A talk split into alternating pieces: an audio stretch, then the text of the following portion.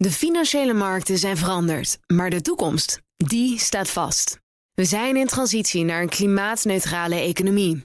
Dit biedt een van de grootste investeringskansen van onze generatie. Een kans voor u om mee te groeien met de pioniers van morgen. Meer weten? Ga naar carbonequity.com. Carbon Equity. Do good by investing better. Factgoeroes. Ja, het is tien voor negen en het is eh, ook nog eens dinsdag. Dus bij ons is Frank Leeman. Frank, goedemorgen. Goedemorgen. Ja, we gaan het deze week hebben over letterlijk over gezeik over Bielsen. Gezeik over Bielsen, inderdaad. Want eh, in vrijwel alle media, anderhalve week geleden, eh, de RTL, NOS, een bericht over werkzaamheden aan het treinstation. In de Willemsspoortunnel tussen Rotterdam Centraal en Rotterdam Zuid is dat. En bijvoorbeeld de Telegraaf en RTL die hadden als kop: Station Blaak dicht om werkzaamheden. Spoor gekrompen door urine.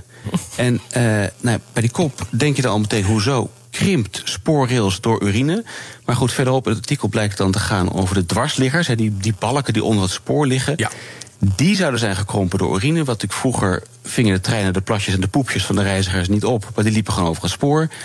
Dat is gelukkig trouwens al een tijdje niet meer zo. Maar goed, uh, daardoor zouden die biels in de, tunnel, uh, in de tunnel zijn gaan krimpen. En zouden de spoorrails naar elkaar toegeschoven zijn. Ja, met als risico dat er te weinig ruimte overblijft om de wielen van de trein nog tussen te laten passen. Ja, maar wacht eventjes. Die dwarsliggers zijn tegenwoordig gemaakt van beton of, of kunststof. Uh, die oude bielsen van hout, en dat was niet zomaar waaibomenhout, toch? Wat voor hout is dat eigenlijk? Zeker geen waaibomenhout. Hele oude waren van eikenhout. Maar ja, eigenlijk, eigenlijk inmiddels zijn al die dingen van uh, een hardhout, zoals bijvoorbeeld AZOB.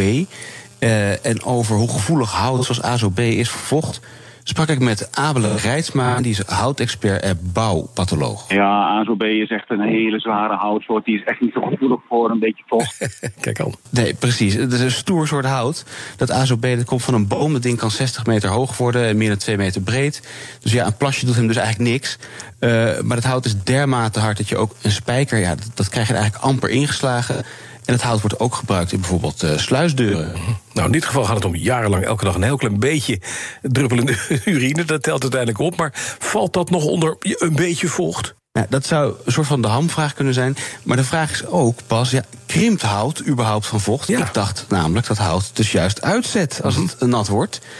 Dus ja, ik heb gewoon heel naïef gevraagd. Uh, krimpt hout van vocht? Uh, van vocht? Nee, nee, dan gaat het uitzetten. Dan wordt het dikker. Ja, en dat, dat wisten we natuurlijk eigenlijk wel. Hout krimpt helemaal niet van vocht.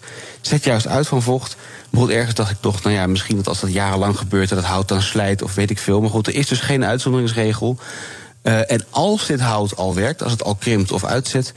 dan doet het dat niet op een manier waarop die sporen uit elkaar schuiven. Luister maar. En met name in de dikte richting, tenminste ja, langs de omtrekken als je de boom zou doorzagen, zou die langs de omtrekken het meeste uitzetten.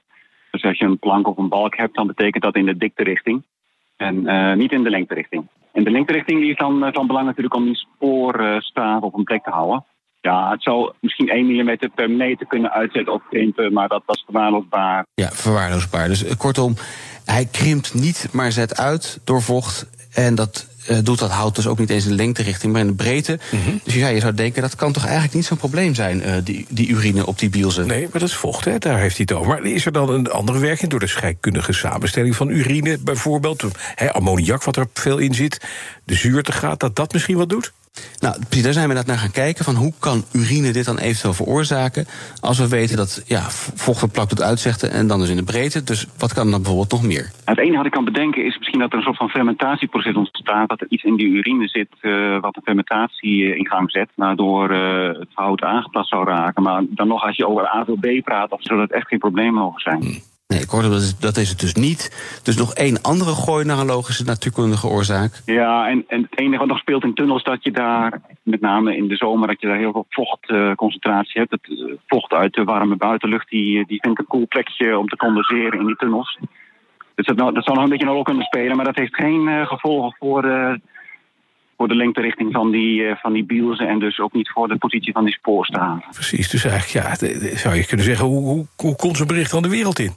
Ja, nou, dat, dat, dat onderhoud van het spoor dat wordt gedaan door ProRail. Mm -hmm. En volgens een artikel van RTV, uh, RTV Rijnmond... zou de woordvoerder van ProRail dit gezegd hebben. Dus ja, ik heb toch contact gezocht met ProRail via e-mail... en daar kreeg ik het verlossende antwoord dat het twee oorzaken heeft... Die bielzen worden vervangen omdat de dwarsliggers zouden zijn krom getrokken. Volgens hen toch door vochtschommelingen, regen en sneeuw... wat via treinen in die tunnelbuis terechtkomt en niet goed weg kan. Uh, ProRail zegt wel inderdaad ook dat zij uh, urine inderdaad genoemd hebben... maar dat het maar een bijzaak is. En als tweede reden geven ze dat bevestigingsmiddelen... die door aantasting van vocht ja, niet meer losgedraaid konden worden... om ze opnieuw af te stellen... Uh, en overigens deed Abele, he, hier nog, die voegde daar nog aan toe...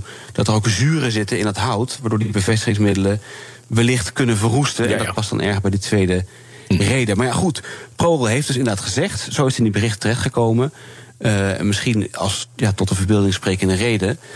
Uh, en die is door iedereen dus blijkbaar heel gretig opgepakt. Ja. Maar uh, ja, zoals we al een beetje zeiden, urine of vocht in het algemeen kan dus helemaal niet planken laten krimpen. Ze zetten er eerder van uit.